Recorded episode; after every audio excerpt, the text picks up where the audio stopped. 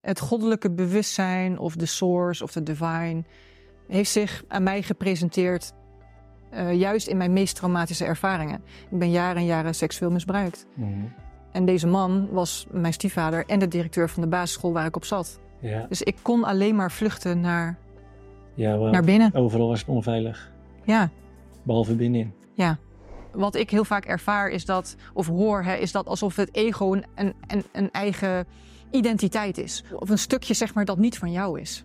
Ja. Maar als je het hebt over de source, je hebt het over je hogere zelf, je hebt het over je ziel en je hebt het over je ego, dan heb je het eigenlijk allemaal over één en hetzelfde.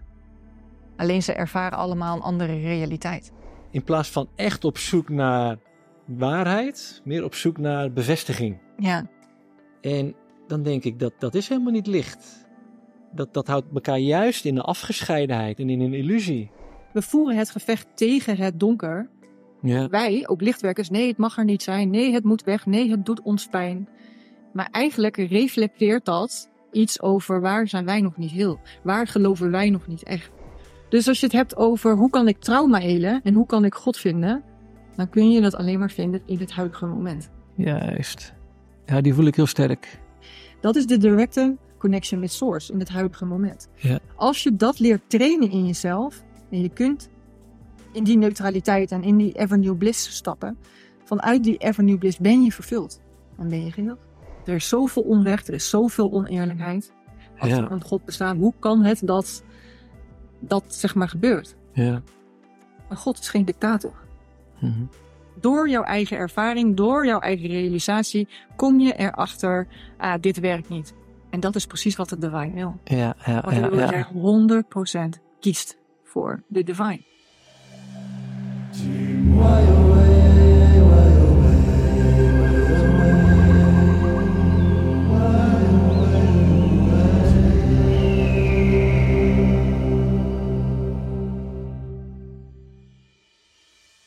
Welkom beste mensen bij weer een nieuwe aflevering van de Tijdboek Lumens podcast. Vandaag hebben we een hele bijzondere uitzending voor jullie klaarstaan. We gaan praten over het belichamen van je zielsessentie en in je goddelijke identiteit stappen. Nou, flinke woorden, maar zonder dat ja, blijven we in rondjes lopen en met de kraan open dweilen, is de stelling van vandaag. Nou, we zijn benieuwd wat jullie hiervan gaan vinden. Ik heb er onwijs veel zin in. Um, we zitten hier vandaag met Istara Araminta. Zeg ik dat zo goed? Ja, het is een uh, mond vol. Maar uh, ja, ja, jij woont in Portugal en jij bent nu hierheen gekomen om je boek te lanceren waar wij het over gaan hebben. Nou, ik heb je boek ontvangen en ik ben mega onder de indruk. En vandaar ook dat ik echt een beetje zoeken ben van, ja, waar gaan we beginnen? Maar uh, voordat we erin duiken, lieve mensen, Mochten jullie dit gesprek gaan waarderen, dan waarderen wij het heel erg als je het met je netwerken deelt en als je een donatie achterlaat in de vorm van een uh, waardeuitwisseling. Heel veel dank daarvoor.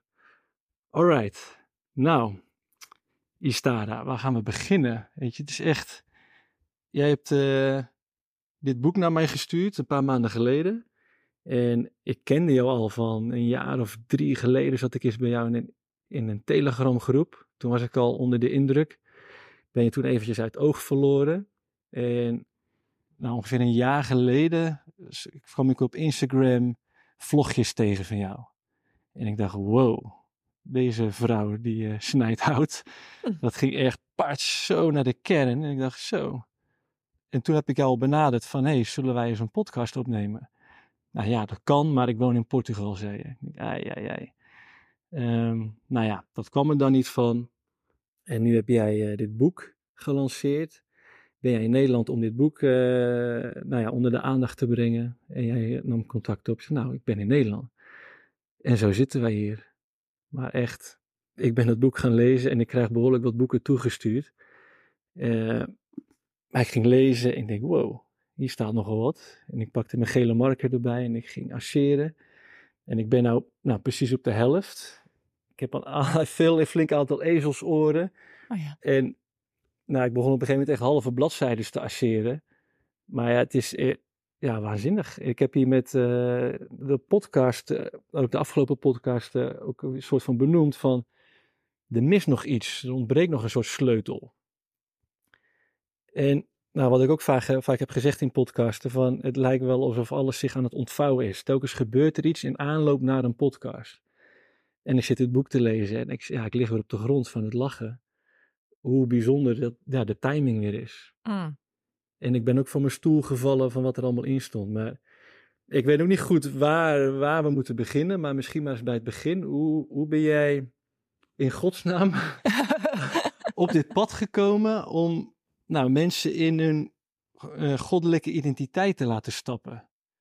Ja, want ja, het is voor mij echt essentieel. Ik wil ook wel even toelichten. Dit is een hele lange intro. Excuses daarvoor. Ik hoop dat jullie er nog zijn als kijkers. Maar voor mij, dit is, er gaat zoveel aandacht naar traumawerk. En in mijn ogen is dat eigenlijk in rondjes lopen als je niet weet wie je werkelijk bent. Wat je echt identiteit is. Alsof er niet een nieuw programma klaar staat.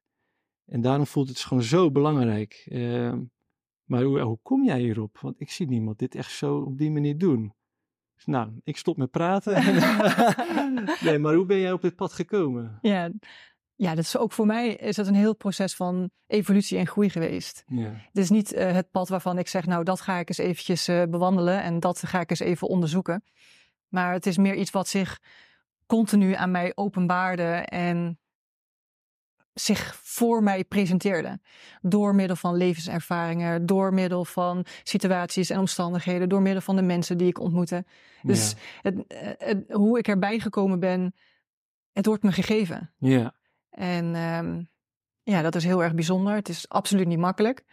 Maar uh, ja. Ja, en wat heb je gedaan of hoe faciliteer je dat dat het jou gegeven wordt?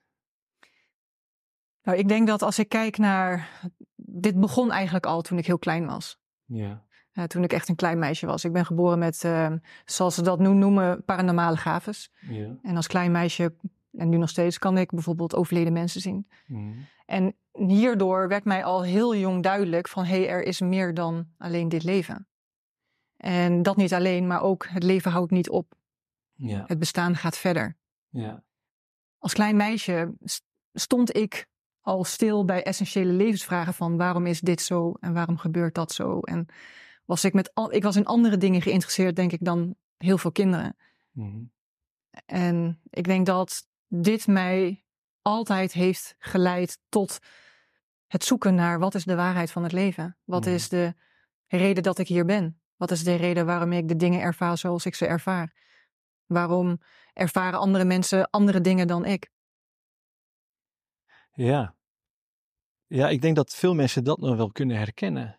Van die, die vragen. Zeker. En dat, dat slaat ook aan op deze podcast voor een deel. We krijgen ook veel herkenning en, en maar ja, hoe pak je daarop door? Weet je, ik vind dat echt. Uh, want je vertelde eerder in ons voorgesprek. Jij kwam net binnen hier, we stonden gelijk helemaal aan.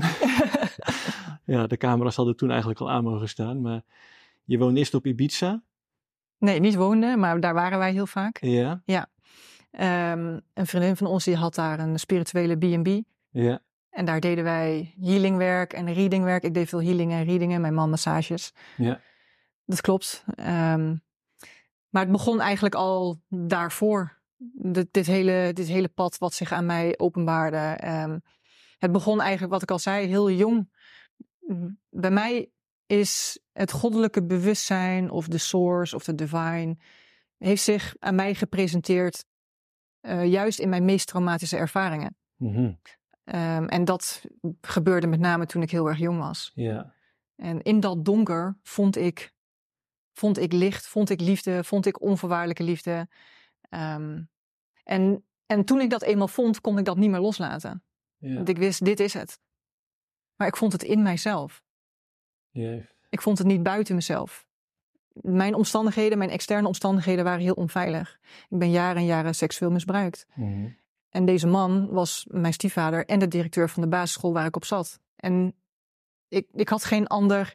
Als je jong bent, ga je alleen maar of naar school of je bent thuis. Ja. Dus ik kon alleen maar vluchten naar, ja, wow. naar binnen. Overal was het onveilig. Ja. Behalve binnenin. Ja. Ja, jeetje. Dus ik moest eigenlijk al heel jong zoeken naar veiligheid, zekerheid. Ja. Op een andere plek dan in de externe wereld. En ik vond dat in mijzelf. Ja, wauw.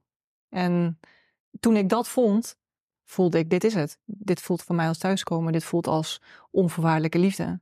En ik denk dat ieder mens wel een ervaring heeft waarbij dat gevoel van onvoorwaardelijke liefde ervaren wordt. Ja.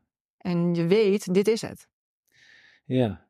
En je hele leven ben je op zoek en test je verschillende scenario's uit om uiteindelijk die liefde die je van binnen voelt, om die te blijven voelen.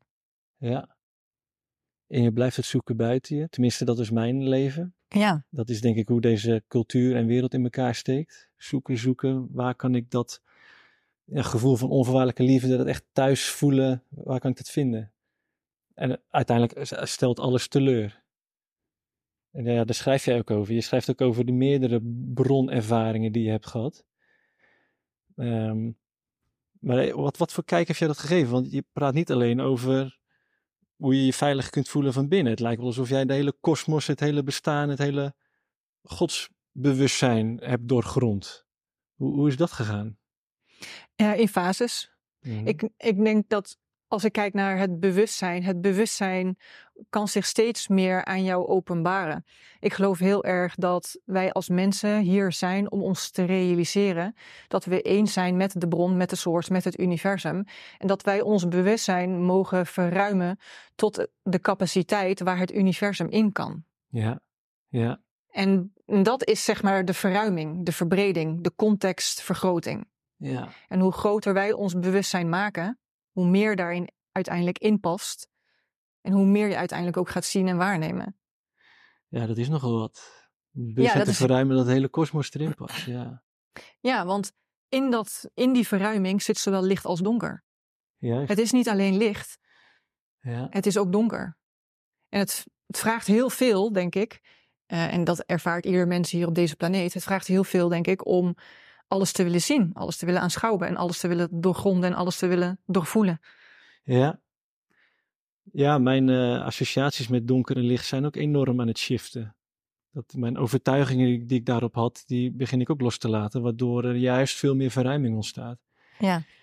Um, ja, lijkt me ook heel fijn om daar verder op in te zoomen. Maar ook nog even het belang van dit gesprek. Wat je zegt, de eenheid is alleen maar te vinden via dat godsbesef.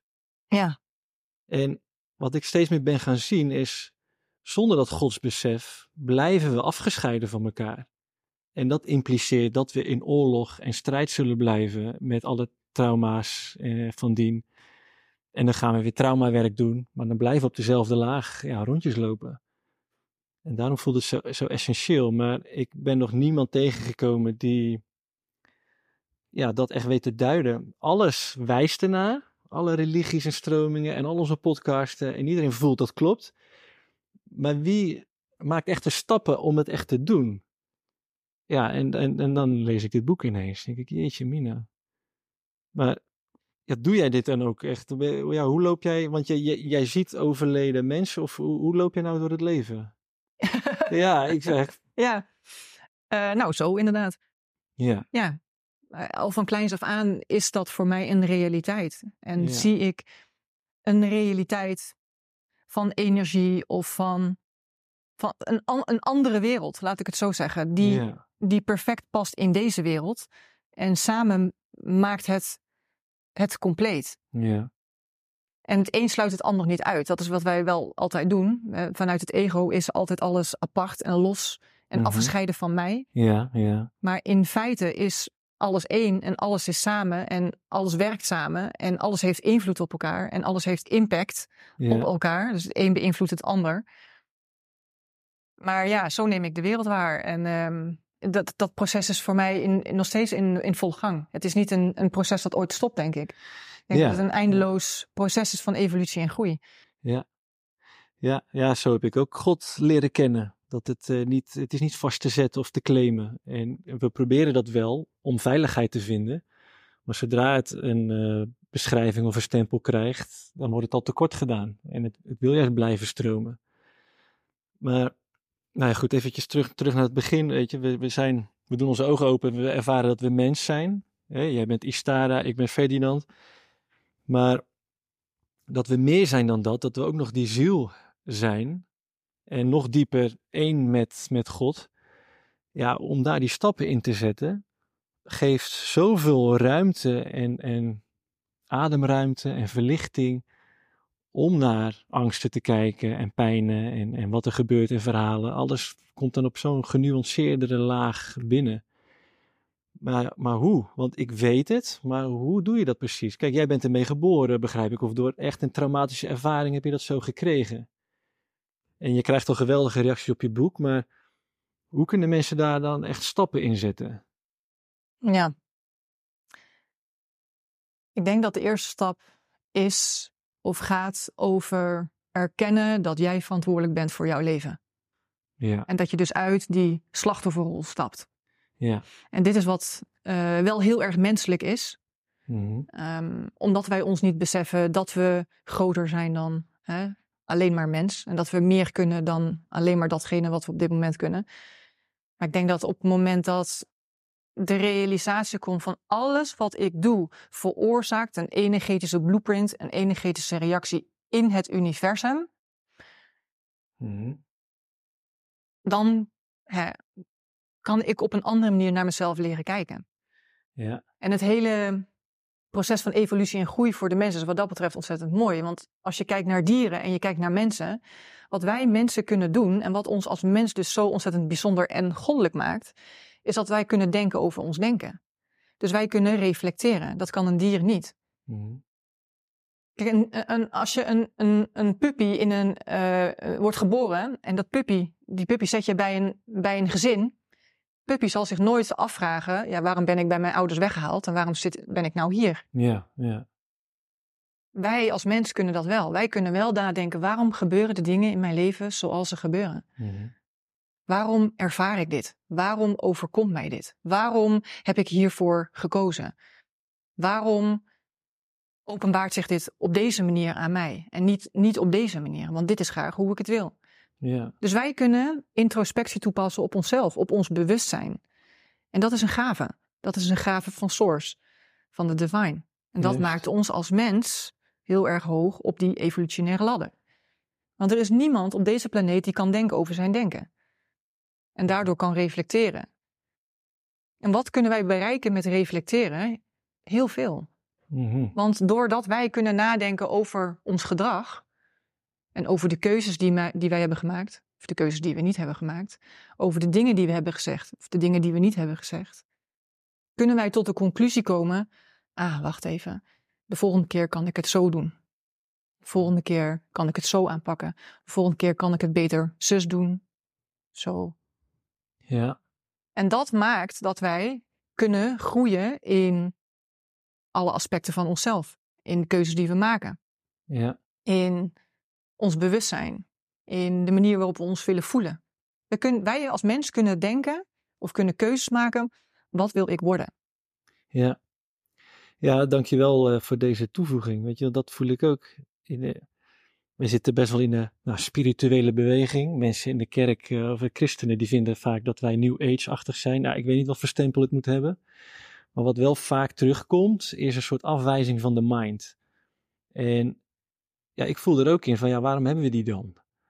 Hè? Is dat dan uh, nep of vals of zo? Hmm. Ik denk dat het heel nuttig gereedschap is. En ook ja, om, om, om dat te, te reflecteren van, hé, hey, wat, waarom gebeuren dingen waarom ze gebeuren? En dat we daar ja, meesterschap over kunnen nemen. Uh, in plaats van alles maar laten gebeuren. En, en kijk, ik zit dus ook de laatste weken naar deze podcast toe, zijn er zoveel dingen gebeurd ook echt hele pijnlijke dingen. En ik zit er nu vanaf een andere manier naar te kijken. In plaats van, oh jee, ik ben een slachtoffer en uh, ik ga nog met de verkeerde mensen om. Nu zit ik juist te kijken, ik zie bewustzijnsontwikkeling als een soort exponentieel proces. Alsof je met een steeds groter bewustzijn naar je eigen proces kan gaan kijken. Alsof je een steeds sterkere goeroe van jezelf wordt. Dus ik zie die dingen gebeuren en ik kijk er nu al anders naar van, hé, hey, wat gebeurt hier nou? Dit doet pijn, maar wat zegt me dit nou? En dan denk ik, hé, hey, dit zijn stukjes, ook dankzij jouw boek kan ik het veel beter plaatsen. Dit zijn stukjes waar ik echt nog een afhankelijkheid naar buiten toe had. Ja. Waar ik mezelf heel wilde maken buiten mij. Ja. Dus ik, het is echt alsof, alsof die mensen mij echt een heel groot cadeau geven. wat dan pijn doet, maar door de pijn komt het besef. Echt een soort touch om dat koordje aan het licht te brengen. Van ja, je hebt nog iets naar buiten lopen wat niet naar buiten heeft te lopen. En ik zit dat zo te, te voelen en ik zit weer een bladzijde in jouw boek te lezen. Ik denk, nee, wauw. Ja, nou ja, je merkt dat ik hartstikke enthousiast ben. maar uh, ja, die, die, die mind, die ondersteunt mij erin. En, en er wordt heel vaak gezegd, ja, je zit in je hoofd. Ja. Nou, wacht even. Mijn hoofd is mijn tool om situaties in te beelden, waardoor ik een gevoel kan ervaren. Ja. En als dat tekort schiet, dan moet ik echt in die ervaring stappen om het echt te ervaren. En dat is echt wie ik ben. Ik ben echt hardleers. En dan ga ik een grens over, van mezelf meestal, en dan doet het pijn. En dan, nu, door dankzij mijn mind kan ik het veel sneller eerder al signaleren. En daardoor nou, bij mezelf komen. Um, in, hoofdstuk, in het allerlaatste hoofdstuk, in het boek doorloop je eigenlijk de chakra's. Ja. Alleen op zo'n manier dat je geen idee hebt dat je de chakra's aan het doorlopen bent. Mm En uh, je eindigt in hoofdstuk 10 met de brein als spirituele thuisbasis. Ja. Het brein is ook de spirituele thuisbasis, want dat, dat is zeg maar consciousness. Aha. Dus je kunt het hoofd nooit uitsluiten van deelname aan het spirituele pad. Ja. ja. Hoe zie jij het hart dan? Want meestal zeggen mensen, de, de mind is de dienaar en het, het hart is de master. Ja. Hoe zie jij dat? Uh, ik zie het hart als de opslagplaats van voorkeuren, afkeuren, angsten, liefde. Ja. En um, ik denk, je hoort heel vaak, oh je moet je laten leiden door het hart. Oh je moet je laten leiden door het hart. Dat is heel erg belangrijk. Mm -hmm. Maar omdat het hart de opslagplaats is van onder andere angsten en van voorkeuren, met andere woorden ego. Ja. Loop je eigenlijk ook het risico dat je op het moment dat je zegt, oh ik ga mijn hart volgen, dat je eigenlijk je hart volgt, maar dat is dan een hart dat vol zit van angst. Ja. En dan denk ik, hoe vrij ben je dan eigenlijk? Je denkt dat je vrij bent, maar eigenlijk zit je gevangen in je ja. eigen angst. Nou, daar, daar, zeg je wat. Want ik zit dus te kijken, en dat is een uitspraak van Jeshua. Dat lijkt me ook heel leuk om daar nog op in te zoomen, wat, wat Jeshua voor jou betekent. Maar een uitspraak van Jeshua is van aan de vruchten herken je de boom. Hm. En ik zit dus in de spirituele beweging een aantal jaren en ik zit te kijken naar wat voor vruchten worden hier geproduceerd. En ik ga er nog niet helemaal van aan. Ik denk niet van, oh wauw, deze mensen hebben de oplossing gevonden en dit is Eureka, volle levenskracht en... Uh, Nee, sterker nog, ik zie veel vaker dat mensen uh, zichzelf heel erg. Alsof de mind ertussen komt en dat, dat, dat, alles door een filter moet. Dat er helemaal geen spontaan leven ontstaat. Dat er heel veel angsten. Ja. En daarin voel ik dus ook de, de verruiming die een zielsbewustzijn geeft. Van zo neem het allemaal niet te serieus waar je in zit. Weet je, er is, er is veel meer. Maar je bent ook de eerste. Ik, ik weet niet of kijkers dit eerder hebben gehoord, maar ik heb dit nooit eerder iemand horen zeggen.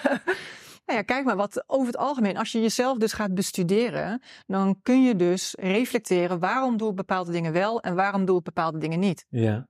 En waarom maak ik de keuze om naar Portugal te emigreren zonder Ja. te weten waarom? Ja, want vanuit Ibiza ging jij met een roeping naar Portugal. Portugal. Hè, eh, waarom eh, besluiten mensen om hun baan op te zeggen? Waarom besluiten mensen om te kiezen voor de liefde van hun leven? Waarom besluiten mensen om hè, een bepaald pad te bewandelen? Mhm. Of om dat niet te doen? Het is altijd een keuze tussen liefde en angst. Ja, En dat zit in je hart. ja. En dat is wel heel mooi eigenlijk, want de, de vrouwelijke, hè, als we het dan hebben over de divine identity, dan is het het mannelijke en het vrouwelijke. Het vrouwelijke aspect is liefde, is het hart. En het, over het algemeen, als er heel veel angst in het hart aanwezig is, dan kan het zijn dat je dingen niet doet uit angst voor Mhm. Ja. Dus ik geef maar niet mijn baan op, want wat nou als ik niet op tijd een nieuwe baan vind? Ja, Eh, ik, ik, ik zeg geen ja tegen deze man of vrouw, want wat nou als hij mij gaat bedriegen? Mhm. Eh, ik, ik ga dit niet doen, ik ga dat niet doen, want dit en dit zou er kunnen gebeuren. ja. Dus het is, we sluiten ons hart. Mm. Mhm. Ja, dit doet me ook denken aan wat je schrijft over manifesteren vanuit het veld van mogelijkheden. En ver, wat hoe mist dan die tweede verwachtingen? Potentie? Ja, potentie is dan het, eh, Ja. het ultieme. Ja. verwachtingen en voorspelbaarheid. Ja. Ja. Ja, verwachting en voorspelbaarheid. Dat is allemaal gebaseerd op het verleden, op je angsten. Ja. En, Ja. Maar daarin manifesteer je eigenlijk je, je verleden opnieuw. Ja, En dat is In een de- ander jasje. Ja, in een ander jasje. Want Je zit gewoon met, vanuit dat referentiekader te werken. Ja. En hoe zou je dat anderen omschrijven van, eh, het, om het veld van potentieel in te stappen? Het veld potentieel- potentieel is echt het, het, het onbekende. Ja. Gewoon het, ik weet het echt niet. Ik ga mijn baan opzeggen. Ik kies gewoon voor het onbekende en ik weet niet hoe het verder gaat. ja. Ik, heb geen, ik heb geen plan. Eh, ik laat me leiden door hè, eh, intuïtie, door hogere begeleiding. Ik laat het leven ontstaan. ja. En ik, hè, dan komt natuurlijk heel snel de mind ook van, hè, is dat nou wel handig? Is dat nou wel verstandig? Eh, moet je niet bepaalde zekerheden hebben, bepaalde veiligheden hebben? Tuurlijk, hè, er is natuurlijk common sense nodig. Hè? Mhm. Dus niet eh, gezond verstand. Mhm. Ik denk dat wij, eh, zeker ook in spiritualiteit, zijn afgesneden van ons gezonde verstand. Ja, ja. En het gezonde verstand is gezond. En dat betekent dus zonder beperking. ja. Zonder beperking. Zonder, nou ja, ziekte, laat ik het even. Hè. Gezond is natuurlijk eh, hè, zonder beperking, zonder, ehm, ja, volledig vrij van, van angst. En Ja. hoe meer je kunt tappen in het vertrouwen, dus wat is ook eigenlijk weer het vrouwelijke, hoe meer je kunt tappen in het vrouwelijke of in het, in het vertrouwen, in de hoop, hoe meer je eigenlijk naar dat veld van oneindige potentieel beweegt. Ja. Ja, misschien goed om even eventjes die kaders te schetsen. Want je had het al over divinity, mannelijk-vrouwelijk. Ja. En daaronder zijn de zielen, de hogere zelven. Ja. Misschien voor het overzicht fijn om dat eventjes eh, te duiden. Ja, ja, ja. Ehm, je hebt zeg maar de, de source, de bron. Wat hè, God kan genoemd kan worden, de kosmos, alles wat is, universum. Ja. En die heeft zichzelf in een soort van tweeën gesplitst. En dat kennen wij op aarde als mannelijk en vrouwelijk. Juist. Ja. En dan inderdaad, je hebt een hogere zelf. En in het boek wordt de hogere zelf beschreven als het stukje wat zichzelf afgescheiden heeft van de source, van God, Mhm. van het universum. Maar nog steeds daar aanwezig is en niet de behoefte heeft om te incarneren, zoals onze ziel. Mhm. Dus onze ziel is weer afgesneden of afgekomen van onze hogere zelf en is aanwezig in dit lichaam. Juist, oké. Aha. En wat is een, een, een volledige bezieling of belichaming? Is, is, je, is je ziel dan niet helemaal geïncarneerd of hoe zie je dat? Ja, eigenlijk is, je kunt, je, zoals ik het zelf zeg maar zie, is het ego, het stukje ziel, dat zichzelf nog niet heeft gerealiseerd dat het eigenlijk de ziel is. Want er is geen afgescheidenheid. Je, wat ik heel vaak ervaar is dat, of hoor, hè, is dat alsof het ego een, een, een, eigen identiteit is. Of een eigen, een eigen orgaan is. Of een, of, of een stukje, zeg maar, dat niet van jou is. ja. Maar als je het hebt over de source, je hebt het over je hogere zelf, je hebt het over je ziel en je hebt het over je ego, dan heb je het eigenlijk allemaal over één en hetzelfde. Alleen ze ervaren allemaal een andere realiteit. Oh, kun je die nog een keer zeggen? Die vond ik wel heel mooi. Als je de source hebt Ja, en je hebt je hogere zelf, je ziel ja, in jouw lichaam en dan het ego, ja. ze zijn eigenlijk allemaal één en dezelfde source. Zelfs, er is geen afgescheidenheid. Ja, En wat wij komen doen hier is onze, onszelf realiseren, ons ego er eigenlijk aan helpen herinneren van, hé hey joh, weet je, je bent al mooi, je bent al heel, je bent al compleet. Alles is al goed, er wordt van jou gehouden, er wordt voor jou gezorgd. ja. Don't worry. Ja. Ja. Ja, ik lees dat en ik, ja, ik vind het prachtig, weet je. Maar ehm, ik voel ook dan die maar van ja, ik, hoe, wa- wa- waarom vergeten we dat telkens zo snel? Door de wereld. Door Ja. alles wat we ervaren, door alles wat we, dat, we, dat, we, dat we zien, alles dat, dat er gebeurt in de wereld. We vergeten het. En het vraagt ook oefening om onszelf dat elke keer weer opnieuw te herinneren. En dit is exact waarom we bepaalde dingen meemaken. Die moeilijk zijn, of die lastig zijn, of die uitdagend zijn. Om onszelf uiteindelijk te herinneren van, hé, hey, wacht even. Ik ben in staat om dit te overleven. Ja, Ik ben in staat om mezelf te helen. Ik ben, mezelf, ik ben in staat om die innerlijke liefde weer te voelen. ja. Ja, en eh, ook wat je schrijft over eh, manifesteren en de, de wet van aantrekkingskracht. Ja, Hoe, uh, hoe werkt dat? Want dit, dit, sluit hier helemaal op aan. Dat je vanuit het ego, dan ga je het allemaal zelf grijpen. Maar als je connect, ja, nou, leg jij het maar uit. Hoe werkt dat? Ja, manifesteren is natuurlijk een ontzettend populair onderwerp. Ja. En um, het, ik denk dat het ook heel erg goed werkt. Ik mhm. denk dat het, ik denk dat het iets, iets magisch is wat wij als uh, mensen kunnen doen. Ik denk alleen wel dat er een verschil is tussen wat wil je manifesteren. Manifesteer je zeg maar. Ik geloof namelijk dat het uiteindelijk niet gaat over het object of over de vorm, maar over het gevoel wat het object of de vorm je geeft. Aha. En als we het hebben over het gevoel, dan hebben we het eigenlijk over divine. Ja.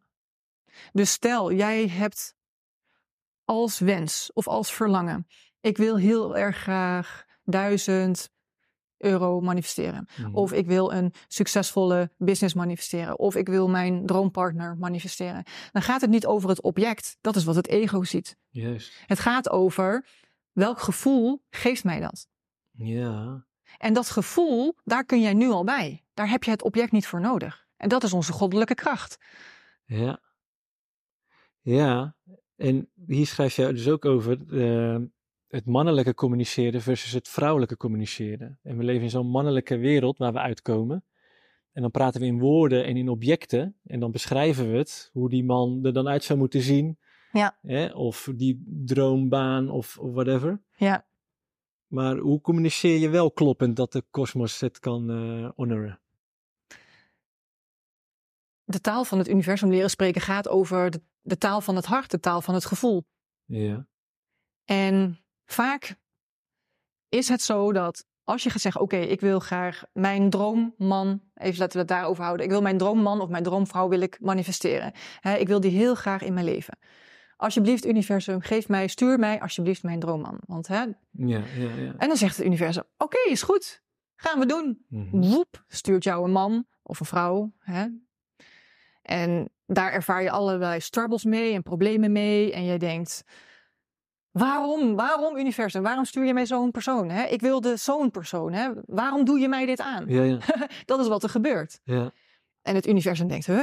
Maar ja, weet je, jij wilde toch graag iemand die zo bij jou past. Jij, jij, jij bent er toch klaar voor? Dat zeg je toch? Mhm. Kom maar, kom maar met mijn droompartner. Dat is wat jij hebt gezegd. Ja. Bewijs het maar. Bewijs maar dat je er klaar voor bent. Hier heb je deze man. Gaan we kijken hoe, ja, hoe je daarmee omgaat. Kun je daar je grenzen stellen? Kun je daar je eigen zelfrespect behouden? Kun je daar je eigen zelfliefde behouden? Jij zegt toch dat je er klaar voor bent? Ja, dus je krijgt eigenlijk een soort teacher. Of een, of een test. Een test, ja. Juist. En dan is het niet wat wij willen, is het niet wat wij verlangen. En dan zeggen wij, waarom stuur je mij zo'n man? Ja. Waarom stuur je mij deze situatie? Waarom stuur je mij deze omstandigheden? En wij kunnen niet zien dat we eigenlijk worden getraind op uiteindelijk ja. Ja, de droompartner, waarvan jij zegt, hier ben ik klaar voor. Ja, precies dat. Maar dit kan echt een neerwaartse spiraal zijn. Mhm. Dat je op een gegeven moment opgeeft en je denkt, ja, dit, dit uh, mijn gebeden worden niet verhoord of het is allemaal onzin. Eh, tot depressie aan toe of nog erger. Of je pakt het inderdaad als oefening en dan wordt het een opwaartse spiraal. Juist. En dat is het elke keer. Elke keer afstemmen, oké, de realisatie, er wordt onvoorwaardelijk van mij gehouden. Onvoorwaardelijk. Ja. Waarom gebeurt dit dan, als er van mij wordt gehouden? Ja. Wat wil het mij leren? Wat wil het mij vertellen? Welk belangrijk puzzelstukje zit hierin voor mij? Ja. En dan verruim je je bewustzijn. Want dan ga je het dus niet meer zien vanuit slachtofferperspectief. Of vanuit hè, wat gebeurt mij, wat overkomt mij, waarom gebeurt mij dit? Mhm. Maar ga je het zien vanuit, oké, er wordt van mij gehouden. De divine die wil iets van mij, die verwacht iets van mij, omdat er van mij gehouden wordt. Wat zou dat dan kunnen zijn? Ja. Wat wordt er in mij geroepen? Ja. Wat mag ik in mezelf trainen? Wat mag ik in mezelf sterker maken? Ja. En dat is, als we het hebben over dualiteit. We willen altijd als wij iets willen, dan zien wij altijd het perfecte plaatje. Mhm. we zien het, het droomplaatje in ons, in ons brein. In theorie kunnen we het allemaal dragen, kunnen we het allemaal aan. en we zien uh, een partner en dan zien we een huwelijk en dan zien we kinderen en het is fantastisch. Dat is wat wij zien. Mhm. We zetten onze droom, onze verlangens op een voetstuk. Ja. En dat is mooi, want dat zorgt ervoor dat we, dat is de liefde, zeg maar, die ons stuurt. Maar dan komt de realiteit en dan komt de dualiteit en dan komt ook de keerzijde van. Ja. Van de realiteit. En, eh, en Divinity zegt eigenlijk: ben je in staat om ook het donker te dragen? Ben je in staat om het andere gedeelte ook te dragen? Ja. Ja. Nou, dat brengt mij bij de volgende vraag. Hoe dragen we het donker in ons en buiten ons? Dat is wel echt mega thema deze tijd. Ja, ik denk dus op deze manier. Door in eerste instantie te zien dat donker en licht beide afkomstig zijn van de divine. En dat dualiteit er niet is om ons te pesten, mhm. of om ons te treiteren, of om ons weg te houden van. Maar door het te zien als het komt af van dezelfde source, het komt af van dezelfde bron, Mhm. En het is er om ons sterker te maken. Ja. Hoe, hoe zou jij het in algemene termen beschrijven, donker en licht? Ik heb er ook al mijn eigen beeld op inmiddels. En, en ook weer aan het loslaten. Maar hoe, hoe, hoe zou jij het omschrijven? Als de dans van het universum. Ja. Ja, ik zie het als iets van alsof het donker een kracht is wat afstoot en licht een kracht is wat aantrekt. Mhm. En dat danst door elkaar heen. Ja. En dat dat om elkaar heen danst, dat ben ik nu echt gaan zien door, nou, in de spirituele beweging bijvoorbeeld. Mensen noemen zich lichtwerker. Maar ik zie verkrampte lichamen, verstijfde gezichten, angsten die het doen en laten bepalen. Ja. En andere mensen daarin trekken om zichzelf veiliger te voelen. En, en, kom bij het licht. Wij zijn lichtwerkers en we doen een cacao-ceremonie. Niks aan de van cacao-ceremonies. Nee, ik weet niet waarom ik dat nou opbreng, maar um, in plaats van echt op zoek naar waarheid, meer op zoek naar bevestiging. Ja. En dan denk ik dat dat is helemaal niet licht. Dat, dat houdt elkaar juist in een afgescheidenheid en in een illusie. Ja. En met alle destructieve gevolgen van dien. En dan zit ik naar het duister te kijken, wat als duister wordt bestempeld. En dat geeft uh, zo'n golf daaroverheen of beukt er tegenaan om dat open te breken. En ja, en die pijn die dan ontstaat, ja, is dat dan duister? Als het juist de waarheid gaat openbaren en, en het pad even reset. Juist, ja, het heeft beide nodig. Ja. Het is gelijk in kracht, maar anders. Ja. Ja, ik vind dat fascinerend. En, en dat laat in mij dus ook echt die overtuigingen los van wow. En dan, dit is het echt, voor mij is het echt een ultra smal pad waar we het hier over hebben. Want voordat je het weet zit je iets goed te praten wat gewoon echt niet fijn is. Mm. Maar um, dat er ook weer een overshoot kan plaatsvinden. Van oh, uh, maar dat we zo op het pad aan het itereren zijn van wat is nou echt het heilige midden. Mm. Um, ja, hoe, hoe ga jij daarmee om in je leven? Want ja, jij, jij bent mens. Je zei net ook al in het voorgesprekje van uh, je hebt ook je eigen duistere dingen, maar of je angsten. Ja. Hoe ga jij daarmee om? Nou ja, wat ik zeg, ik probeer echt en dat is niet altijd, dat is absoluut niet makkelijk. Mensen, de eerste reden waarom mensen op een spirituele pad komen, is inderdaad om wat jij zegt. Hè? Alles is love and light. Ja. ja. en het is ook een heel mooi begin. Hè? Ik denk dat het een heel mooi, heel mooi begin is. Maar over het algemeen houden mensen niet van de gedachte: oh, ik moet oorlog voeren tegen de donkere aspecten in mezelf. Ja, ja. Ik moet vechten, ik moet strijden. Houden wij lichtwerkers niet van. Nee, nee. Maar dat is wel wat er nodig is. Het spirituele pad is alles behalve uh, makkelijk. Alles behalve love en uh, niet alles behalve love and light, maar er is gewoon heel veel strijd nodig om de donkere delen van je eigen bewustzijn uh, te verlichten. En dat is wat ik probeer te doen. En ik denk dat elk mens dat op zijn of haar manier probeert te doen. Mm. Dus ik zie het donker in mij niet als slecht. Mm. En we zijn zo geneigd om het weg te drukken of om het te onderdrukken of om het te doen dat het er niet is. Maar ik denk dat het juist daarom is running the show of your life. Juist omdat het kan doen alsof het er niet is. Alsof het niet bestaat. Ja, ja want dan blijf het je achtervolgen. Ja. En onbewust een rol spelen. Ja. Ja. En eh, hoe je, hoe je daarmee omgaat, of hoe je daarmee om kunt gaan, is. Ja, love is the answer.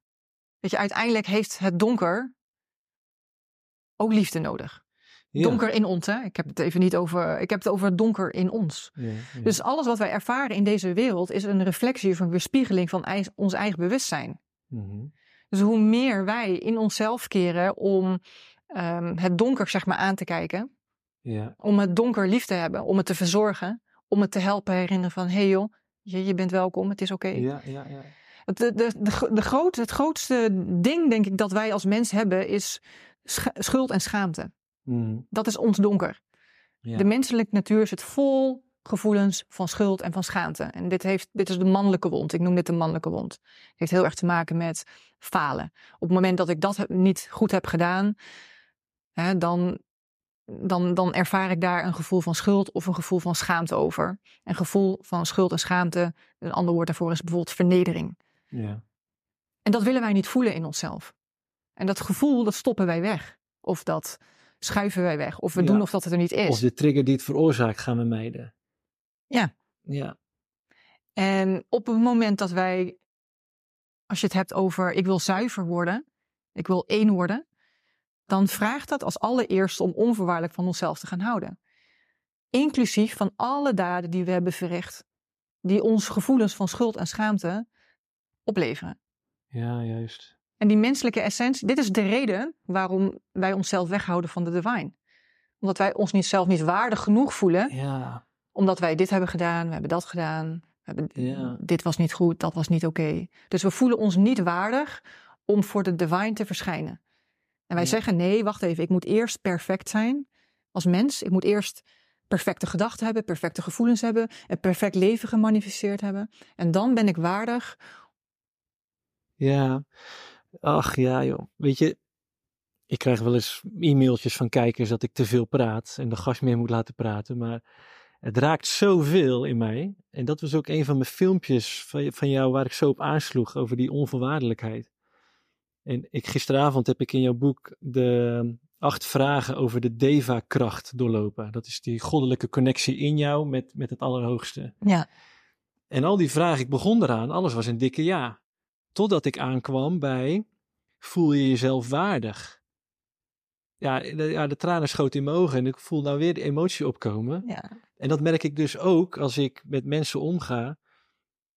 Iets in mij voelt nog dat hij zich moet bewijzen. En dat doe ik heel mijn leven al. Ja. En deze podcast is er ook een soort uiting van. Ja. Van kijk mij eens lekker bezig zijn. En dan krijg ik complimenten en dan. Maar dat, ik voel ook, het, het is nep, het is een truc. Het, is nou, niet... het ligt eraan, want er is niks mis met het krijgen van complimenten en waardering. En van goed werk afleveren. Hmm. En de wereld draait daarop. Ja. Jij zou dit werk niet meer doen als er niemand meer kijkt, als niemand jouw werk meer waardeert. Ja. Dus het, het heeft elkaar nodig. Het wordt een ander verhaal op het moment dat jij er afhankelijk van bent geworden. Juist. Dus het gaat over de balans. Ja, ja. Ja. Maar goed, ik, ja, ik, ik, ik las dat dus, die waardigheid. Ja, en dan kom ik weer zo uit bij, nou ja, de reden ook voor dit gesprek, is ja, die volheid in jezelf ontdekken. Ja. Weet je, en daar vanuit, en op ons tweede tijdboek hebben we twee spiralen voorop staan op de cover. Ja. En we weten dit al als kennis. Eerst thuiskomen in jezelf en dan vanuit een onbevangen vrijheid, echt je eigen authenticiteit, het leven weer betreden. Uh, maar ja, dat, dat boek is nou al bijna een jaar uit. En, en, maar dat hoe precies, dat laatste stukje. Uh, ja, ik heb echt het gevoel dat, dat jij daar een, een enorme wegwijzer voor hebt geschreven. Mm Waar ik ook van nog, nog steeds niet snap, hoe krijg je het voor elkaar? Ja. ja, nee, maar het, het lijkt op niks anders dan, dan wat ik... Weet je, alle boeken zijn min of meer op een soortzelfde laag. Ze wijzen naar hetzelfde vanuit een soortzelfde laag. En overal op aarde, waar mensen ook zitten, bij de dakloze opvang, ik doe daar wel eens vrijwilligerswerk, je hoort de gesprekken. Overal zijn mensen bezig met illusie scheiden van waarheid. Van wat, waar is nou de uitweg? Ja. Dus overal. Maar dat laatste stukken om het echt te gaan belichamen, om echt nou, door, die, door dat gat te gaan, soort van door die poort te gaan. Ja, hoe precies? Um, nou ja, om het weer terug te koppelen naar wat je net zei, van hoe, hoe voel je jezelf waardig? Hoe ga je precies helemaal die identiteit belichamen? Ja. Ja, grote vraag, maar ja. Door bepaalde dingen echt vanuit een dieper level te realiseren. Er zijn heel veel mensen die heel veel boeken lezen en die kennis tot zich nemen. Maar deze kennis heeft in, als het alleen maar bij kennis blijft, totaal geen kracht, totaal geen power. Ik geloof heel erg in, je hebt de kennis, Doe er wat mee. Dat is power. Juist. Dat is kracht. Ja. En dat maakt je sterker. Ja. En dat zorgt voor de realisaties. En dat is wat ik hoop dat iedereen uiteindelijk gaat doen. Als je echte resultaten in je leven wil, dan gaat het over hoeveel tijd spendeer je in meditatie. Hm. Hoeveel tijd spendeer je aan reflectie? Hoeveel tijd spendeer je met jezelf? Ja. Ja. En dat is de Deva-kracht. Hè? Hoeveel, hoeveel tijd spendeer jij met je eigen hart, met je eigen angsten, met je eigen dromen, met, met jezelf? Ja. Dus hoe kom je daar? Door in verbinding te komen met jezelf. Uit, en daar, iedereen heeft daar zijn eigen route voor. De een die doet dat in sound healing, de andere doet dat inderdaad in een cacao-ceremonie en de andere doet het weer daar. We experimenteren en we onderzoeken. We kijken wat werkt wel, wat werkt niet. Het een werkt tijdelijk, het andere geeft even een snelle boost. Een quick fix. We kunnen er weer even tegenaan. Maar uiteindelijk komt er ergens, en dat hoeft niet in deze incarnatie te zijn, maar ergens komt er een keer een incarnatie dat je zegt: Oké, dit heb ik getest, dat heb ik getest, dat heb ik geprobeerd. En nu ben ik klaar daarmee en nu wil ik, wil ik het echte.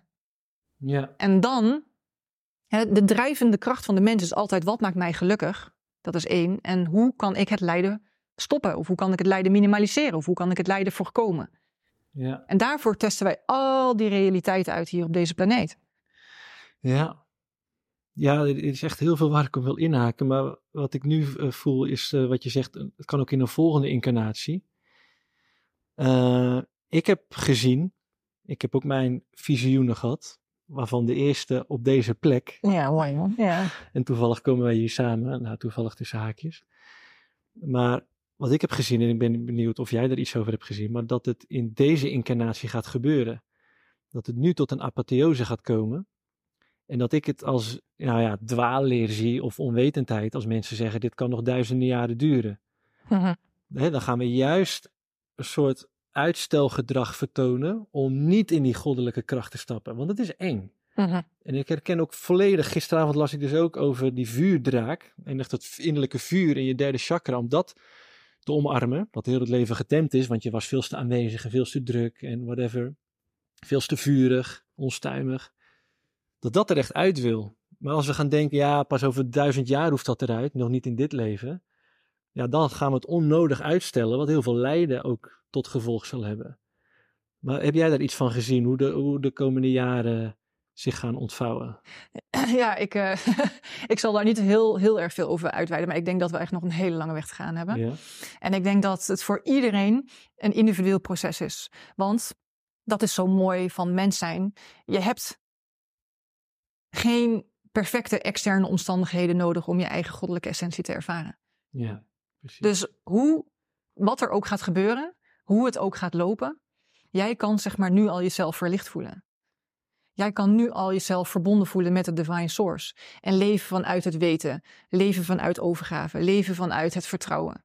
Ja. Daar hebben wij niet een externe veilige setting voor nodig, want dat zit hier in ons. Ja. Het is, zou fijn zijn en dat maakt het leven een stuk makkelijker, ja. Mhm. Maar in principe verandert het niks aan jouw eigen proces van evolutie en groei en van jouw zielsrealisatie, zelfrealisatie. Dus Ja. ik denk dat iedereen is op zijn of haar eigen proces van e- evolutie en groei. En weet je, de een die ervaart nu al een heaven on earth realiteit, of tijdens corona een heaven on earth realiteit, terwijl het voor een ander een, een hel was. Ja. Dus iedereen, heeft zijn, iedereen is zijn eigen matrix. Ja. En iedereen kan dus in zijn eigen matrix een eigen realiteit ervaren, die totaal anders kan zijn dan de realiteit van de buurman. Mhm. Dus Ja. wat is echt? Ja.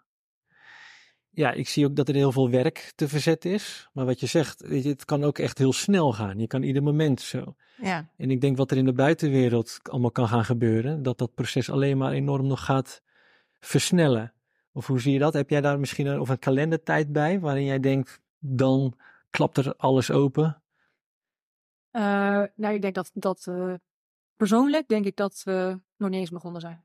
Mhm. En dat het nog veel erger gaat worden dan wat het nu is. Ja, ja, ja. ja. Voordat we, zeg maar, aan de andere kant uh, komen. Ja. En dit zie je ook, zeg maar, in de wereld. Hè? De oorlogen, mm uh, de regeringleiders, instituten. Er is zoveel ego-consciousness. Ja. Eh, ik en ik ben afgescheiden van de rest. Het gaat over mijn religie. Het gaat over mijn land. Het gaat over mijn waarheid. Het gaat over mijn normen waarheid. Het gaat over mijn regels. Die zijn geldend. Het is eigenlijk allemaal ego-consciousness. Ja. Ego-consciousness ziet alles, ziet zichzelf los van al het andere en probeert dat te beschermen. Ja. En dat is wat je nou perfect gereflecteerd ziet in de wereld. En daar wordt voor gevochten. Ja. Dus iets anders dan unity consciousness. Ja. Ja, en dat unity consciousness wordt in mijn ogen steeds meer aangewakkerd doordat machthebbers in dat ego consciousness zitten. Mhm. En dat is een steeds kleiner wordende groep, voor mijn gevoel. Dus dat lijkt wel ook een soort katalysator, waarin straks op een dag, plop, dat het echt omslaat. Ja. En zo zie je dus dat donker en licht elkaar nodig hebben om uiteindelijk tot die climax te komen. Ja, is... tot die realisatie van, wacht even. Ja. Er is... Ja. Dus jij ziet het ook meer in fases? Ja, ik zie het absoluut in fases en cyclussen. Ja, ja, ja. ja. ja. Maar, en durf je daar een datum of een aantal jaar aan te koppelen? Ik denk dat ik het in dit leven niet meer mee ga maken. Nee, nee, nee. Ja, ja dat is voor mij dus zo'n sterk innerlijk weten. Maar misschien is het mijn stukje medicijn wat ik te delen heb. Misschien is het mijn stukje dwaling of mijn stukje ego. Ja, time will tell. ja, maar het kan zijn dat je dingen ontvangt uh, die heel erg moeilijk tijdgebonden zijn. Ja. Als je het hebt over je ziel, zeg maar, die is onbegrensd en tijdloos. Mm Dus dingen in een bepaald tijdperk uh, plaatsen, ja, is wat dat betreft als mens zijn heel erg moeilijk. En dat wil niet zeggen dat het niet gebeurt. Maar ja, ja, ja. Het kan zijn dat jij het al wel gaat ervaren in jouw innerlijke universum. Ja, precies. Dat is anders dan de uiterlijke realiteit. Nou, dat is ook de hele insteek van dit gesprek in ieder geval. En ook van dit boek. Om het zelf, in ieder geval zelf al te gaan ervaren. Ja. En ik denk dat dat als een soort olievlek, net als wat Jeshua op aarde deed, je, dat, is, dat verspreidt zichzelf, dat is zo aanstekelijk. Ja. Ja. En dat is ook heel aanstekelijk, maar het donker is ook heel aantrekkelijk. Ja. Dat heeft zijn kracht. heel verleidelijk. Weet je, met, hoe moeilijk dat ook is, het heeft gewoon echt zijn plek op deze planeet. En dat zal het altijd hebben. Ja. Want de wereld wordt geschapen vanuit licht en donker. Ja, c'est Dus ja, je kunt het tegen vechten, maar je kunt het toch nooit verslaan. Het is onderdeel van het bestaan. Ja, en, van en ons. ik denk dat wij het... We voeren het gevecht tegen het donker. Maar hopelijk komen we op een gegeven moment zo hoog in ons bewustzijn en zo ver dat we het donker kunnen zien als onderdeel van de hele schepping. Ja. En nu zijn we het nog aan het bevechten. Ja. Wij, ook lichtwerkers, nee, het mag er niet zijn. Nee, het moet weg. Nee, het doet ons pijn. Maar eigenlijk reflecteert dat iets over waar zijn wij nog niet heel? Waar geloven wij nog niet echt? Ja. Want alles is een reflectie van ons eigen bewustzijn, inclusief de oordelen die wij hebben over het donker. Ja.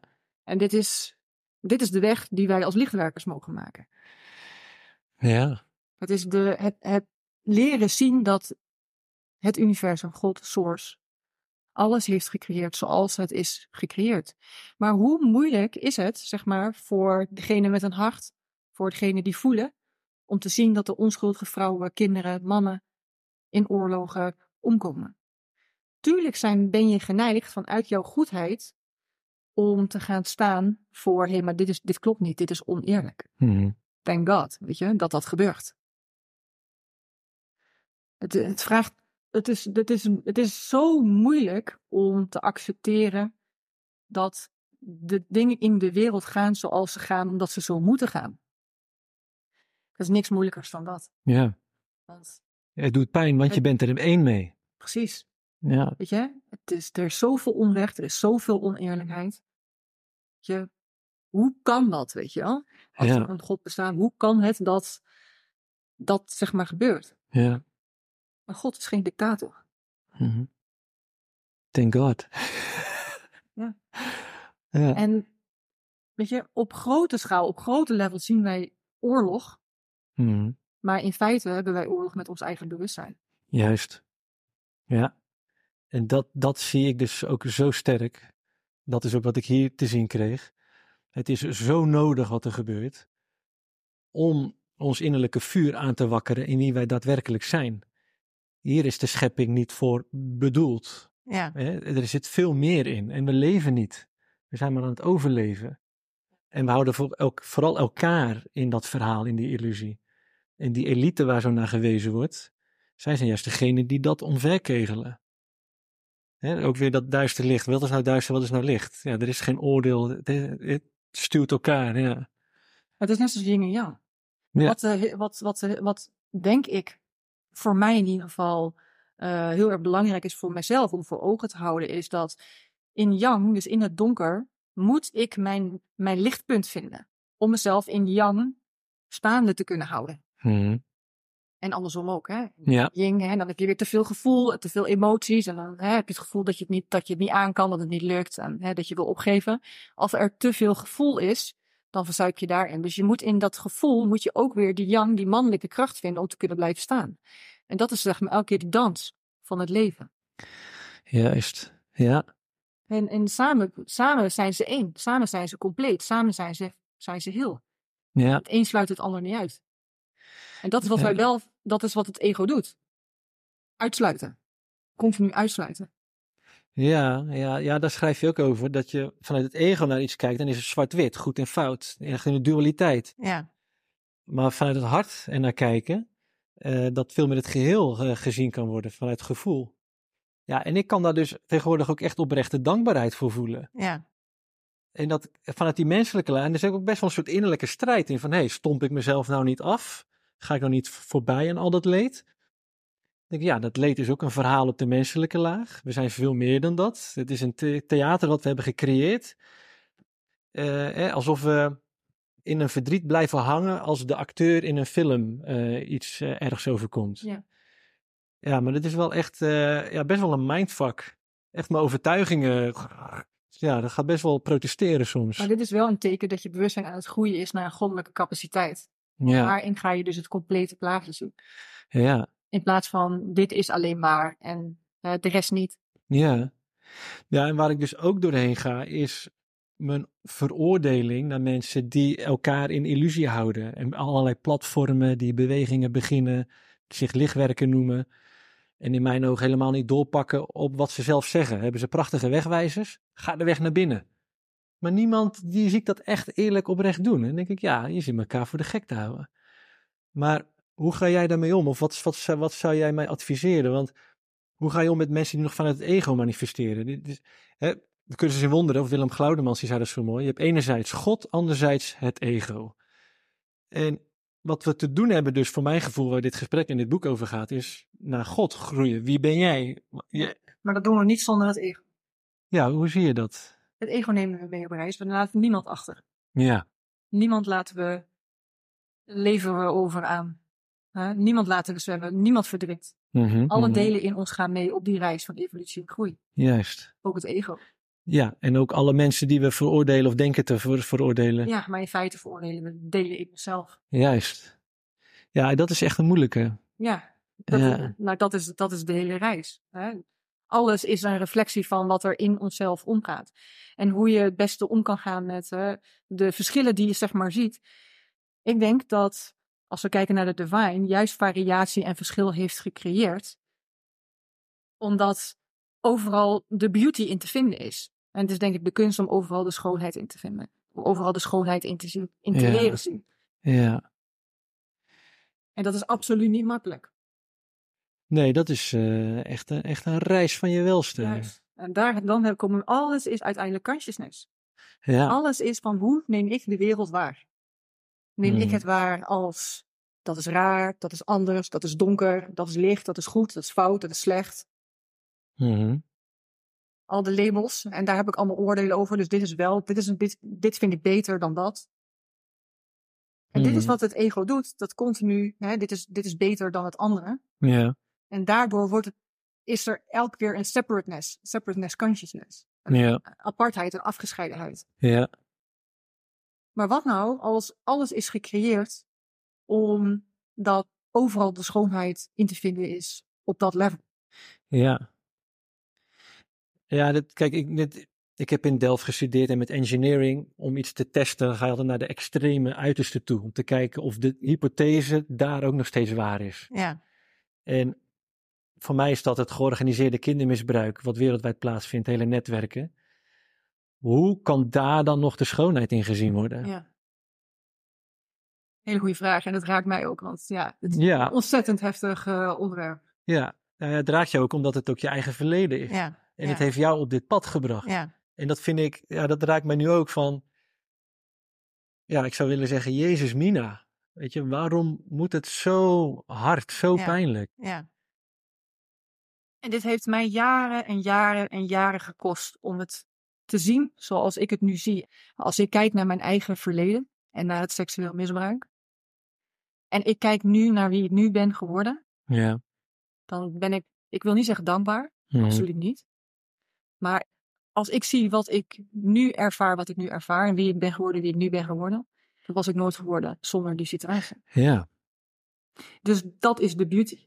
Ja, ja, ja, ja, precies. Dus niet de situatie zelf, maar wat het brengt. Ja. De, de kracht, het, het duwt iets een bepaalde. Ja, Het heeft iets in mij openbaard. Het heeft iets in mij geactiveerd. Ja. Waarschijnlijk door mijn incarnatiekeuze in die situatie geactiveerd kon worden. Ja. Ja. Ja, het doet me ook denken aan een beeld wat ik vaak voor me zie over het bestaan zelf. Alsof het een ultradunne lijn is van zuiverheid, waar het leven rondom zich afspeelt in alle vrijheid. Wat gekaderd wordt door pijn, mhm. ongemak, pijn, trauma, echt destructie. En als je daar heel ver in gaat, nou in jouw geval was het echt, en dat alsof het dan echt een soort lijntje terug, alsof je het dan heel helder gaat zien waar die ultradunne zuivere lijn weer is. Van, daar gaat het om, dat is het. En dat dan de weg terug weer gevonden kan worden. Ja. Maar ja, dit is hoe om te gaan met het eh, huidige leed in de wereld. En, en weet je, hebben we daar iets in te doen? Nou ja, ik zie, ik heb in ieder geval eerst zelf mezelf te bevrijden. Ja. Alles wat ik op lagere lagen manifesteer, ja, is ook een soort van besmet met ego en, en vanuit angst en emotie en duister. Wat, wie, wie of wat help ik dan precies? Uh, maar dan, stel, hè, ik ben helemaal belichaamd.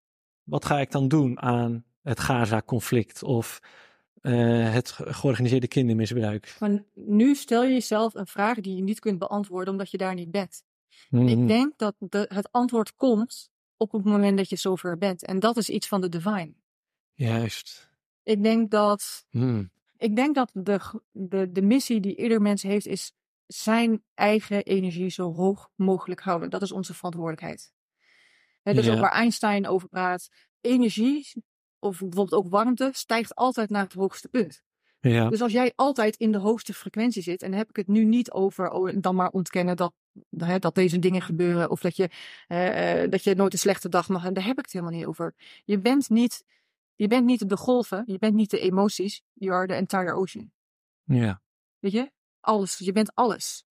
En op het moment dat je uh, zorgt dat jij die entire ocean bent en blijft, en in die hoogste frequentie blijft, wat er dan gebeurt, is dat je vanzelf meer van dat gaat aantrekken. Inclusief de mensen die zich gaan kalibreren met jouw energie. Dat is wat warmte doet. Warmte stijgt altijd naar het hoogste punt. Als jij nou het hoogste punt wordt, stijgt de rest vanzelf mee. En daarmee doe jij weer. Ja, ja, ja, ja. Ja, ik heb het wel eens als een soort tentstok ingebeeld, waardoor een, dat een tentzeil omhoog steekt. Dan zie je ook zo. Ja. En als er, daarna is ook een tentstok en nog een en nog een. Weet je dat? Ja. Of uh, a rising tide lifts all boats. Ja. Weet je, dat, uh, alles gaat dan omhoog. Ja. Ik denk als je, uh, is het wel hetzelfde als zeggen van, ja, als ik, als ik verlicht ben, wat ga ik dan doen? Ja. Weet je, dat zijn dingen die je alleen maar op dat moment kunt beantwoorden. Ja. Omdat dat alleen maar iets is tussen jou en de divine, tussen jou en God. Ja. Jouw roeping. En je bent die roeping eigenlijk al aan het lopen. Je bent op jouw manier al je steentje aan het bijdragen. Ja. En je hoeft denk ik niet te twijfelen over moet ik meer doen, moet ik, meer, moet ik harder werken, moet ik me meer inzetten. Iedereen heeft zijn eigen unieke uh, roeping, zijn eigen unieke bijdrage aan het verhogen. Dat is wat we allemaal doen. Zodra wij iets ergs hebben meegemaakt, al is het een burn-out. Zodra wij uit de burn-out komen, 9 van de 10 keer zeggen wij, oké, nu wil ik mensen helpen om uit een burn-out te komen. Ja. Het is in de natuur van ons om te helpen. Ja. Ja, jeetje zeg. Ja, ik ben daar stil van, want ik, ja, ik volg ook mijn roeping. Maar niet altijd. En dan ga ik aftasten, want de mind of de buitenwereld komt met suggesties. En dan, maar al heel snel dan voel ik zo'n stagnatie. Terwijl ik wel echt vind dat ik het zou moeten doen. Of zou kunnen doen. Of dat daar meer te behalen zou zijn. Maar wie zegt dat het niet je roeping is om dat te onderzoeken? Nou, ik, ja, ik onderzoek het dan heel eventjes. Ja. En ik heb heel veel lijntjes uitgeslagen. Maar het stroomt dan voor geen meter. En, en het, het voelt niet fijn. En dit, dan voel ik, dit is gewoon niet de weg. Nee, maar dat is toch een perfecte conclusie? Ja. Maar het, ja, ik probeer dat dan altijd toch, toch nog te bevatten. En het is echt alsof ik een weerstand heb tegen die overgave. Mm Ja. En wat bedoel je dan met de overgave? Om er blind op te kunnen vertrouwen. Eh, dat ik echt die roeping mag volgen, ook al kan ik het niet helemaal begrijpen. Ook al zie ik van alles in de brand staan. Nee, dat is niet mijn brand. En dat heb ik dan een mening over. Van ja, dat is zo afgestomd of egocentrisch. Ja. Dat is denk dat ik. Is zeg maar wat het ego je kan laten geloven. Ja. Ja. Ja, ja. Maar er is ook een andere vraag die ik had voorbereid. Van ja, hoe ga je om met mensen of jezelf die nog vanuit ego manifesteren? Of wat ik net omschreef over platformen die zeggen: kom naar ons. Wij zijn de lichtwerkers, de weg naar vrijheid ja, hoe, hoe, hoe, hoe, gaan we daarmee om? En dus ook in onszelf, hè? Ja, ja, liefdevol. Dat is toch fantastisch wat zij doen? Nou ja, als het dus richting het ego alleen maar verder bij de divine... Dat is nodig. Ja, dat, ja. Tot de Kijk, dat is, dat is het, weet je wel. Ja. Dat is nodig. Ook die mensen zijn hartstikke nodig. Ja. Hartstikke gewaardeerd. Doen fantastisch werk. Ja, ja.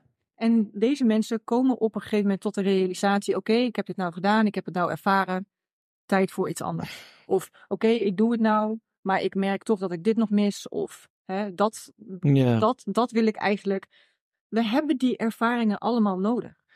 Ja. Want je kunt wel zeggen, zo met, tegen, met een klein kind, je moet je vinger niet in het vuur steken. Wat doet een kind? Het moet ervaren worden. En daar gaat zelfrealisatie over. Juist. Er is niet één oplossing. Van, hè, het is niet zo van uh, je intuïtie zegt je moet dit doen en dan moet jij luisteren, ja. moet jij opvolgen. Het is ja. ervaren. En tot die door jouw eigen ervaring, door jouw eigen realisatie, kom je erachter, ah, dit werkt niet. En dat is precies wat de divine wil. Ja, ja, Want ja, dat jij 100% kiest voor de divine. Juist. Ja, ja, echt fijn dat je dit weer even zegt. Nee, maar ik heb het zelf ook wel eens tegen mensen gezegd. En ik zit me dan af te vragen, waarom kan ik dat zelf dan niet op die vlakken?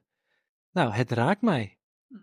Dus waar heb ik nog iets in mijzelf op te lossen? Dus het laat mij echt iets zien voor mijn eigen pad. Dus ook wat dat betreft kan ik er dankbaarheid voor hebben. Dus dank jou wel. maar jij, wat jij eigenlijk zegt is, ik ben klaar voor mijn roeping. God, source, kom maar op. Ik ben er mhm. klaar voor. En God zegt, oké, fantastisch, super dat jij eindelijk klaar voor bent. En nou bewijs het. Ja, precies. Dus dat en kijken, ah, wil ik dat nog onderzoeken? ja. Vind ik dat nog interessant? Je gaat dat onderzoeken. Ja. En dan kom je, ja, maar ja, dat is eigenlijk niet wat ik wilde. Dat was net ook waar ik het over had. Dat is eigenlijk wat ik wilde. En hoep, je bent weer terug. Oké, Juist. nu begrijp ik het God. Nu begrijp ik het universum. Nu ben ik er echt, echt klaar voor. Ik zweer het. Ja. Oké, je schrijft een briefje, hup, je gooit het weer naar het universum. Ja, ja. Oh, hij is nou echt klaar. Mooi. Ja, ja, Gaan we het nog een keer proberen. Weer een nieuwe situatie. Jij raakt weer afgeleid in je consciousness. niet gefixeerd op dat. Mm-hmm. Weet je wel? Je komt er weer achter. Oh nee, dat was er niet. Ja. Hop, je bent er weer. En dit is hoe het universum jou continu traint. Alles gaat over bewustzijn. Ja. Het geeft jou continu situaties om te experimenteren, om te testen. Is dit de waarheid? Ja. Is dit het goddelijke? Is dit wat mij vreugde geeft? Is dit wat mij joy geeft? Is dit wat mij onvoorwaardelijke liefde brengt? Ja. Want dat is waar we in dit leven op zoek naar zijn. Ja, en ook dat vertrouwen. Daar schrijf je ook over. Weet je, dat, om dat vertrouwen te blijven hebben, niet op te geven. Ja. Want de zaadjes die je plant met zo'n prayer of uh, een intentie, dat heeft ook tijd nodig om zich te ontvouwen. ja. in volledigheid. En dus dat enerzijds, maar ook dat je zelf ook klaargemaakt wordt om die grootsheid te ontvangen.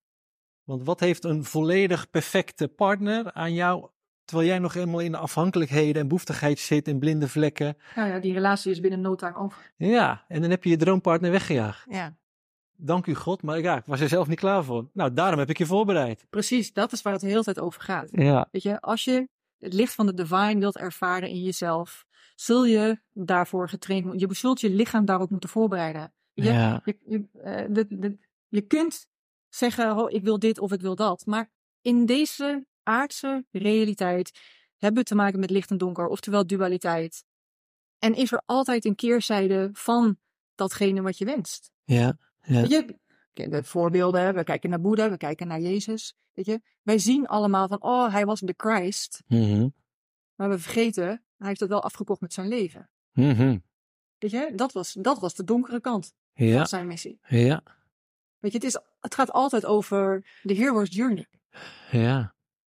Ja, de schrijver. De hero's journey is inclusief het donker. Ja, ja, ja. Ja, daar schrijven we ook over in ons tweede boek. Maar het is echt zo grappig dat zoveel dingen bij mij tijd nodig hebben om dieper te landen, dieper te landen. En ik, oh, jeetje, komt geen end aan, lijkt me. maar er is ook, komt ook geen end aan. Ja. Weet je, de waarheid is eindeloos bewustzijn. Jij bent eindeloos bewustzijn. Ja. Dus, en dat is ook wat wij denken. Wij denken altijd, het ego denkt altijd, nou, als ik dat behaal, dan ben ik gelukkig. Dan ja. ben ik vervuld. Dan ben ik klaar. Ja, ja, ja. Ja. Maar dat is een illusie. Ja. Nee, ik zit ook te denken aan. Uh, ik ben afgelopen jaar een uh, aantal keer naar de kerk gegaan, naar een evangelische gemeente. Ik voel daar heel veel herkenning bij. Hoe ze de oneindigheid, de hoogste naam bezingen. Dat raakt me echt diep. Ik vind dat prachtig. Ik zie dat nergens anders zo. Uh, maar ik ben ook met een, een aantal kerkgangers echt in een discussie beland over de Bijbel en over het vertrouwen in de Heilige Geest. Mm. Dus, um, zij zeggen, nou eentje, um, de Heilige Geest moet je niet zomaar vertrouwen. Dat moet je toetsen aan de Bijbel, of dat wel klopt. En denk ik, nou, lekkere Heilige Geest dan. Is, hoe heilig is die Heilige Geest? He, Joshua komt op aarde. Het verhaal is, hij steeg weer op. Na drie dagen was de uitstorting van de Heilige Geest. We zijn allemaal, God is in ons komen wonen. Drieënhalf, uh, 300 jaar later wordt er een boek samengesteld, de Bijbel, waar dan alles aan getoetst moet worden. Ja, ik vind dat dus heel pijnlijk. Want ik, ik, en ik zie echt, het is zo'n lieve man. Ik, ja, ik vind hem echt heel leuk en aardig. Maar ik voel dan een soort pijn van, alsof ik een soort voel. Ja, dat kunnen mensen dan weer heel egocentrisch vinden, alsof ik het beter weet. Maar dat voel ik van, er komt een muur op die man af. Hij zit niet in de volledige heiligheid. Hij, hij, ja, iets wat in de materie is vastgezet, in woorden, letters is vastgezet, staat boven God de Heilige Geest. Mm -hmm. En nou, ik voel daar een pijn bij van, uh, ja, hoe, hoe, spiegel ik dat in mij? Van, ja, wat, wat heb ik dan los te laten daarin? Ja, nou goed, een stukje huiswerk voor mij. Maar waar ik ook heen wou is de rol van Jeshua. Want dat is ook wat ik daar zo sterk voel. Dat ze daar wel heel dicht op het vuur zitten. Uh, en wij hadden in ons voorgesprek al even over Jeshua. Maar wat, wat, wat betekent Jeshua voor jou in jouw leven en in dit verhaal? Christ consciousness. Ja. Belichaming van Christ consciousness, van onvoorwaardelijke liefde. Ja, dat is kort samengevat. Ja, ja. hij, hij sloot niemand uit. Ja. Hij sloot niemand uit, hoe arm je ook was, hoe ziek je ook was. Je, ja. Dat waren juist de mensen die hij hielp. Ja, ja. En um, het, ging, het ging natuurlijk ook in die tijd heel erg over het gevecht tussen rijk en arm. Tussen hè, de gelovigen, de elite. En hè, op dat moment waren de gelovigen, zeg maar, wat nu de overheid representeert. Ja. Um, en, en, en, en hij kwam echt het woord van de divine, van God verspreiden. Ja, ja, ja. De, deze bron is, houdt onvoorwaardelijk van iedereen. Ja. Hoe slecht je ook gedaan hebt. Hoe ziek je ook bent, hoe arm je ook bent. Ja. En dat is Christ consciousness. Ja. De onvoorwaardelijke liefde. Ja, prachtig. Nou ja, dat ik, ja. Dat is ook uh, waar ik de sleutel ook zie. Dat, dat is de sprong zie die te maken is. Van, van de voorwaardelijkheid naar de onvoorwaardelijkheid. Wat je vroeger heel veel zag is, en hoorde, is dat God vooral werd neergezet als een man. Ja. Mannelijke is de vader. En wat ik probeer te doen in ieder geval met het boek is God neer te zetten als de Divine Mother. Mhm. Als het vrouwelijke. Ja, Als liefde. Juist. Ja, maar de, de vader kan ook liefde hebben, toch, denk ik? Ja, maar je hebt zeg maar de, de source, de, de bron. En dat heeft zichzelf gesplitst in het mannelijke en in het vrouwelijke. Ja. Het mannelijke is de wijsheid, de intelligentie, Mhm. de ratio, laten we het zo maar even noemen. En het vrouwelijke is de liefde. Ja. Dat is wat Joshua of Jezus heel erg eh, belichaamde. Hè, die onvoorwaardelijke liefde. Dus de, de both worlds. Mhm. Dus het mannelijke en het vrouwelijke. Ja, ja, ja. Ja, heel mooi. Ja, we hebben natuurlijk allemaal mannelijke en vrouwelijke energieën in ons. Ja. Ja, ja, ja. Maar alles wordt op deze planeet wel heel erg mannelijk benaderd. Alles, alles is gebaseerd op mannelijke structuren. Alles ja, wordt ondersteund door het mannelijke. En ik geloof dat we heel erg nu juist bezig zijn met die beweging naar het vrouwelijke. Naar de divine feminine. Juist. En als ik het heb over de divine feminine, dan heb ik het over het gevoel. Dan heb ik het over ehm, liefde. Dan heb ik het over het hart. Het Ja. angstvrije hart. Juist, ja, het angstvrije hart. Ja, dat is ook wat ik net zei over de Bijbel. Weet je, ik snap wel dat je alles wat je ingegeven wordt, dat je dat wil toetsen aan iets, want het is veilig. Mhm. Want er wordt ook alles, angsten worden ingegeven. Weet je, hoe weet je nou of iets de, echt de Heilige Geest is, de bron is? Weet je, ja, hoe, hoe zie jij, hoe zie jij traumawerk bijvoorbeeld? Hoe ga je om met je angsten? Hoe verwerk je dat? Eh, ik denk dat er verschillende manieren zijn om trauma te verwerken en dat bij ook iedereen een andere manier past. We zijn allemaal unieke wezens. En bij de een past therapie, de ander mm, nou ja, past eh, coaching. Ook afhankelijk van in welk stadium zit je met je trauma. Iemand die net vers uit het trauma komt, heeft andere hulp nodig dan iemand die daar, nou ja, dat al wat langer geleden is bijvoorbeeld. Mhm. Maar ik geloof wel heel erg in een nieuwe manier van trauma helen. Ja, En dat is, we zijn zo gewend om altijd te be- herbeleven en opnieuw beleven en herleven en opnieuw beleven. En eigenlijk wat we doen is elke keer weer die wond openmaken. ja, En hè, ik geloof heel erg in ehm, jezelf helemaal aanwezig maken in het huidige moment. Mhm. Als je het hebt over de divine, dus dan eigenlijk ook wel heel erg mooi, heb je het eigenlijk over, zoals het in de yoga-wetenschap zeggen, Satchitananda. Dus altijd aanwezig, altijd bewust en altijd vernieuwende vorm van joy of vernieuwende vorm van vreugde. Waar kun je dat vinden? Op welke tijdlijn moet je dan met jouw bewustzijn aanwezig zijn? Mhm.